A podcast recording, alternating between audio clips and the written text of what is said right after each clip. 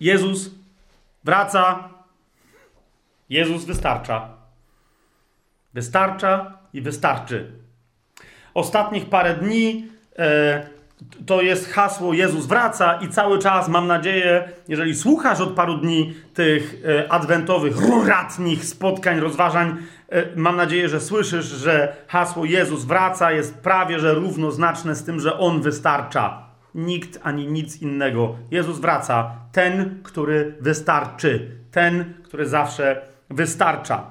Wrócę dzisiaj do pierwszego listu do Tesaloniczan. Więc jak masz Biblię ze sobą, to sobie otwórz pierwszy list do Tesaloniczan, pierwszy rozdział, dziewiąty i dziesiąty werset. Tam y, to jest ten fragment, o którym już kiedyś wspominałem, wielokrotnie zresztą wspominam w różnych miejscach, przy różnych okazjach, że jest to jedna z moich ulubionych definicji chrześcijaństwa. Co to znaczy, czym jest chrześcijaństwo? Dziewiąty, dziesiąty werset. Paweł tam do Tesaloniczan pisze: Nawróciliście się od bożków do Boga, aby służyć żywemu i prawdziwemu Bogu i oczekiwać z niebios Jego Syna, którego wskrzesił z martwych, Jezusa.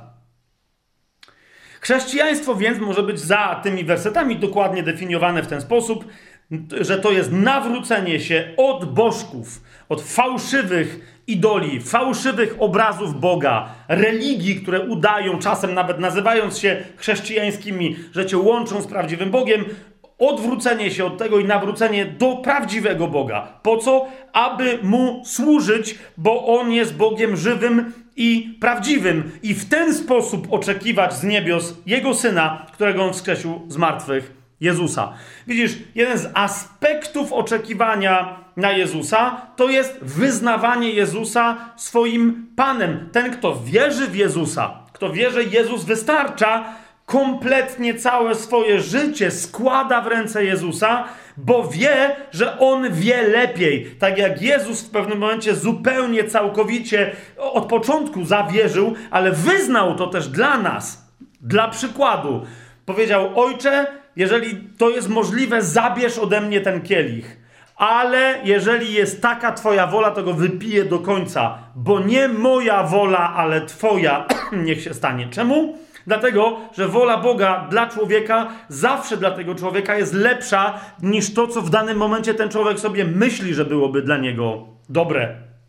A zatem aspektem oczekiwania na Jezusa jest naśladowanie go w czym? W byciu posłusznym Ojcu. Bycie posłusznym Ojcu jest bycie posłusznym Jego Synowi, którego On ustanowił naszym Panem. Następnym krokiem, w momencie, kiedy Ty wierzysz w sercu i pierwszym krokiem człowieka wierzącego jest, Panie, skoro Ty mnie tak doskonale usprawiedliwiłeś przez swoją śmierć na krzyżu, przez swoje zmartwychwstanie, wybawiłeś na wieki, bezpieczeństwo mojego wiecznego życia jest przez Ciebie zapewnione, to jaki ma sens teraz moje życie według moich roztrząsań, moich rozważań, według mojej woli? Ty bądź moim panem. Ty jesteś moim panem na zawsze, bo to jest lepsze niż cokolwiek ja dla siebie mogę yy, wymyślić. Dlatego w liście do Rzymian Paweł w dziesiątym rozdziale yy, tak o tym krótko mówi, że jeżeli ktoś uwierzy, to potem wyznaje ustami, bo to jest naturalny odruch. Ok? Mówi tak, to jest dziesiąty rozdział listu do Rzymian, dziewiąty i dziesiąty werset. Jeżeli ustami wyznasz Pana Jezusa, to jest dosłowne przełożenie tego, co jest po grecku napisane, ale to oznacza, jak niektórzy bardzo słusznie tłumaczą, na przykład Biblia Tysiąclecia, jeżeli ustami wyznasz, że Jezus jest Panem. To jest dokładnie to. Nie, że wyznasz ustami Pana Jezusa, czyli powiesz Pan Jezus. Nie, nie, nie. Wyznasz Go swoim Panem. Okay? Jeżeli ustami wyznasz Pana Jezusa i uwierzysz w swoim sercu, że Bóg wskrzesił go z martwych, będziesz zbawiony. I potem Paweł pokazuje dokładnie tę dynamikę. W dziesiątym wersecie mówi: Sercem bowiem, a więc najpierw wierzy się ku sprawiedliwości, a potem ustami wyznaje się ku zbawieniu. Co oznacza wyznanie Jezusa Panem? Oznacza najprościej rzecz ujmując, że od tej pory nie interesuje cię Twoja wola, ponieważ ona do tej pory tylko cię zawodziła. Mnie też nie interesuje. Ja wiem, że mamy tendencję, nawet jak już jesteśmy nowonarodzeni, żeby a, jeszcze coś po swojemu zdziałać, ale za każdym razem to się okazuje nonsensem. Okay? Ten, który cię zbawił, kiedy ty jeszcze byłeś grzesznikiem, kiedy byłaś grzesznicą, kiedy ja tkwiłem w nędzy swoich grzechów, w wiecznym potępieniu, on za nas umarł, dla nas zmartwychwstał i żyje. Wstawia się za nami u Ojca. Czemu więc teraz, kiedy już jesteśmy zbawieni, miałby nas, nie wiem, robić w konia czy coś, zostawiać na pastwę losu? Bez sensu. Chce nam objawiać najdoskonalszą e, wolę Bożą, która w 12 rozdziale listu do Rzymian opisana jest jako dobra, przyjemna i doskonała. Jak sobie zobaczysz 12 rozdział listu do Rzymian, e, drugi werset, e, on nam tam mówi: Nie dostosowujcie się do tego świata, ale przemieńcie się przez odnowienie waszego umysłu, abyście mogli rozeznać, co jest, uważaj, dobrą, przyjemną i doskonałą wolą Boga. Wola Boga dla człowieka zawsze jest dobra, przyjemna i doskonała, niezależnie od tego, jak diabeł chce nas odwieść od pełnienia woli Bożej, strasząc, że Bóg prawdopodobnie chce dla nas jakichś nieprzyjemnych, złych e, i mizernych rzeczy. Absolutny nonsens. To tylko diabeł dla nas takich rzeczy chce, albo my sami, myśląc, że chcemy dobrze, lądujemy zazwyczaj w czymś głupawym, w najlepszym przypadku. A zatem, kochani, wyznawanie Jezusa jako Pana jest nie formą nabożeństwa, mówienia, że Jezus jest Panem, śpiewania piosenek, wyznawania Jezu ufam Tobie, 500 razy y, w jakimś tam tempie, odmawiania litanii, czy rozumiesz, nieważne co to jest, tu nie chodzi o działalność ustami, to wyznanie ustami oznacza, że poddajesz swoje serce, oznacza, że poddajesz swoje uczynki rozumiesz, w posłuszeństwu Jego woli. Od tej pory pytasz Jego, Panie, co ja mam robić. Zobacz w Ewangelii na przykład Łukasza. Tam jest taki fragment, który osobiście najbardziej, y, gdy chodzi o ten temat, lubię. W Ewangelii Łukasza w szóstym yy, rozdziale. Pamiętasz, co, co Paweł powiedział w liście do Rzymian w dziesiątym rozdziale? Jeżeli człowiek w sercu uwierzy, a ustami wyzna, wierzy się w sercu, tak? O tym wierzeniu w sercu i wyznawaniu ustami Jego jako Pana, Jezus powiedział, Jezus, taką rzecz. Szósty rozdział Ewangelii Łukasza, od 45 wersetu będę czytać. Jezus powiedział tak: Dobry człowiek z dobrego skarbca swojego serca wydobywa dobre rzeczy, a zły człowiek ze złego skarbca swojego serca wydobywa złe rzeczy z obfitości serca bowiem mówią jego usta. Teraz o czym Pan Jezus tu mówi? Zobacz, 46 werset. O wyznawaniu Go Panem. Mówi, dlaczego więc mówicie do mnie, Panie, Panie, a nie robicie tego, co mówię? Każdy może powiedzieć, może udawać, że wyznaje Jezusa jako Pana, może mieć imię Jezusa na ustach, cały, rozumiesz, oblepić się tym imieniem, chodzić regularnie do świątyń, by, być uczestnikiem jakiejś religii, w której się dużo wyznaje Jezusa i mówi się, rozumiesz, ale sęk w tym, że, że Jezus sam poznaje po tym swojego ucznia, kogoś, kto mu uwierzył w sercu i kto naprawdę wyznaje go swoim Panem, po czym? Po tym, co ten człowiek robi, a nie co ten człowiek w kółko mówi. Powiedzieć, że Jezus jest Panem wystarczy raz. Jezu, Ty jesteś Panem mojego życia. To znaczy, Tobie oddaję pełne panowanie nad moim życiem. Od tej pory co? Każde następne moje wyznanie, że Jezus jest Panem, jest wyznaniem w uczynkach. Ja nie muszę tego więcej mówić. Ok? Jezus w ten sposób to rozpozna. Inni ludzie, którzy są niewierzący, ja już pomijam, że inni wierzący w ten sposób się powinni rozpoznawać. Nie, nawet niedawno rozmowę z moją żoną, która mówi, że a, bo mówiliśmy o różnych chrześcijańskich postawach i Madzia mówi, o, a to, gdyby większość chrześcijan to zrozumiała, albo wydaje mi się, że sporo chrześcijan tego nie rozumie. Ja pytam Madzia, to właśnie jest masa ludzi, którzy się nazywają chrześcijanami. E, w książce W co wierzą biblijni chrześcijanie napisałem o rozmaitych e, religiach, nawet ideologiach politycznych, włącznie z pewnymi odmianami faszyzmu, które siebie nazywały chrześcijaństwem. Kochani, czas najwyższy e, może zacząć się uczciwie nazywać nie chrześcijanami, nie żeby w tym było coś złego, tylko rozumiesz, masa ludzi sobie przylepiła łatkę, jesteśmy chrześcijanami, my też, my też, my też i wszyscy się kłócą, ale po prostu zacząć się pytać, ok, jesteś chrześcijaninem, czyli jesteś uczniem Chrystusa? Uczeń Chrystusa to jest ktoś, kto słucha tego, co on mówi, patrzy na to, co on robi i go naśladuje. Nie tylko słyszy Jego głos, ale go słucha, jest mu posłuszny. A kiedy nie słyszy Jego głosu, ale widzi, co Jezus robi, wtedy robi dokładnie to samo. Niektórzy ludzie mówią, no ale ja nie wiem, co to jest pełnienie woli Bożej, ja bo nie mogę usłyszeć głosu Bożego. Zresztą bardzo często Bóg się celowo nie odzywa, ponieważ po to nam zostawił swoje słowo. Rozumiesz, w większości sytuacji naszego życia my świetnie wiemy, co mamy robić, ponieważ to mamy napisane w Biblii. Wiemy, co Jezus zrobił w określonych sytuacjach, bo mamy właśnie po to zapisane w czterech Ewangeliach rozmaite historie z Jego życia.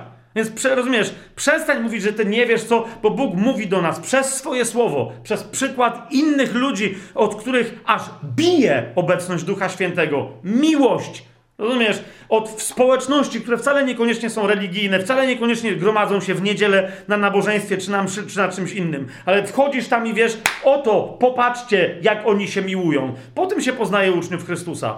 Oni nie muszą mówić, że Jezus jest Panem, ale inni, widząc ich miłość wzajemną, chwalą Ojca, który jest w niebie i wiedzą, że to jest Ojciec Jezusa, a że Jezus jest ich Panem. Ten Jezus, który ich odkupił, jest ich Panem. Dzisiaj więc mam jedno proste do Ciebie pytanie. Siostro, bracie, nie wiem, czy jesteś siostrą, czy bratem, może dopiero wchodzisz, może właśnie odkrywasz, że w zasadzie Twoje chrześcijaństwo to jest jakaś religia i to nie do końca jest to, o co Jezusowi, yy, Jezusowi chodziło. Dzisiaj mam do Ciebie proste pytanie. Bardzo proste pytanie. Kto siedzi na tronie Twojego serca?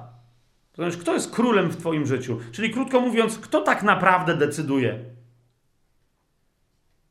Kto decyduje w Twoim życiu? W jakich sytuacjach? Czy to są inni ludzie? Są Twoi rodzice, Twoja żona, Twój mąż? Może dyrygują Tobą Twoje dzieci? Może Twój pastor, ksiądz, wspólnota, do której należysz, religia, papież, nie wiem, jakiś imam, ktoś tam jeszcze, inny kto? Czy być może uważasz, nie, absolutnie nikt mną nie rządzi, sam sobą rządzę, sama sobą rządzę? Nadal pomyśl, kto siedzi na tronie Twojego serca. Jeżeli to nie są nawet inni jak są to inni ludzie, albo jak ten, wiesz, ten tron jest przechodni, że od 9 do 11 we wtorek rządzi ktoś inny, wieczorem ktoś inny i tak dalej, to jest jeszcze gorzej. Rozumiesz? Bo to nawet nie jest prezydentura elekcyjna. Ale jeżeli ostatecznie ty jesteś jedyną osobą, która siedzi na tronie swojego serca, ale na zewnątrz głosisz, że Jezus jest twoim Panem, zrozum, to jest hipokryzja, która kiedyś rozedrze cię na strzępy i to będzie twoja wina, a dzisiaj to jest hipokryzja, która rozdziera Twoje serce i Twojego ducha. Po prostu. Gadanie, że Jezus jest Panem, to jest nic. Zejście z tronu swojego serca, rezygnacja zdecydowania w swoim życiu. To dopiero przynosi pokój. Jezus, kiedy mówi pokój mój wam daje, nie tak jak świat daje, ja wam daję. Kiedy mówi, że daje nam pokój na stałe, to daje nam i gwarantuje go nam jako Pan.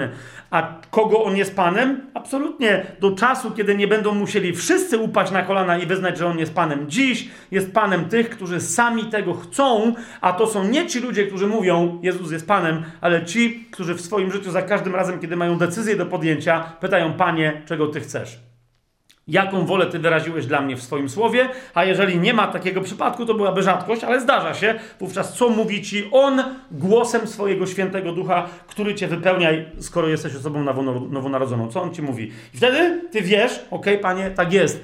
Nie uśmiecha mi się to, nie podoba się to moim emocjom, nie podoba się to mojej duszy, ale to zrobię.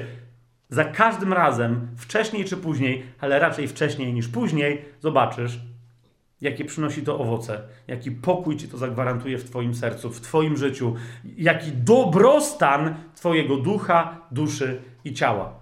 Skończmy dzisiaj modlitwą, która będzie bardzo prosta, ale proszę Cię, nie powtarzaj automatycznie. Nie powtarzaj automatycznie, bo kiedy to powiesz, rozumiesz, jeżeli mówisz rzeczy, których nie masz na myśli, to tak czy siak, rozumiesz, będą wyciągnięte konsekwencje tego, co mówisz w duchu, w duchu. Jeżeli nie przez Boga, to przez diabła, który przyjdzie i będzie cię oskarżać o kłamstwo. Więc nie mów, jeżeli nie masz tego na myśli. Nie mów, że Jezus jest Panem, jeżeli On nie siedzi na tronie Twojego życia, dzisiaj na tronie Twojego serca, tam gdzie się decyduje. Teraz skończę prostą modlitwą. Powtórzę parę razy jedno zdanie, biblijne zdanie. Jedyne zdanie, którym w zasadzie można by się było modlić do końca życia ale jeżeli zechcesz ty je wypowiedzieć, proszę cię, miej świadomość, co mówisz i powiedz dopiero wtedy, kiedy będziesz wiedziała, będziesz wiedzieć, co to znaczy. Ojcze, nie moja wola, ale Twoja niech się stanie. Panie Jezu, Nie nasza wola, ale tylko i wyłącznie Twoja wola niech się dzieje. Mówię to w moim imieniu, w imieniu mojej rodziny, w imieniu całej tej społeczności, która jest moim e, ko kościołem w tych wszystkich relacjach, Panie, których mi dałeś, dałeś. Mówię to także głosem, którym z całą pewnością mówi Twoja oblubienica, ciało Chrystusa tutaj na ziemi. Ciało Chrystusa na ziemi woła przyjdź, oblubienica woła przyjdź, bo duch woła przyjdź. Ale też duch uczy oblubienicę mówić nie nasza wola, ale Twoja niech się stanie, Panie Jezu, ponieważ Ty wyrażasz w nas wolę Ojca. Nie moja wola, ale Twoja niech się stanie. Amen. Błogosławiony król, który przychodzi w imię Pańskie. Pokój i chwała na wysokościach. Pokój i chwała na wysokościach. Jeśli ci umilkną kamienie wołać będą.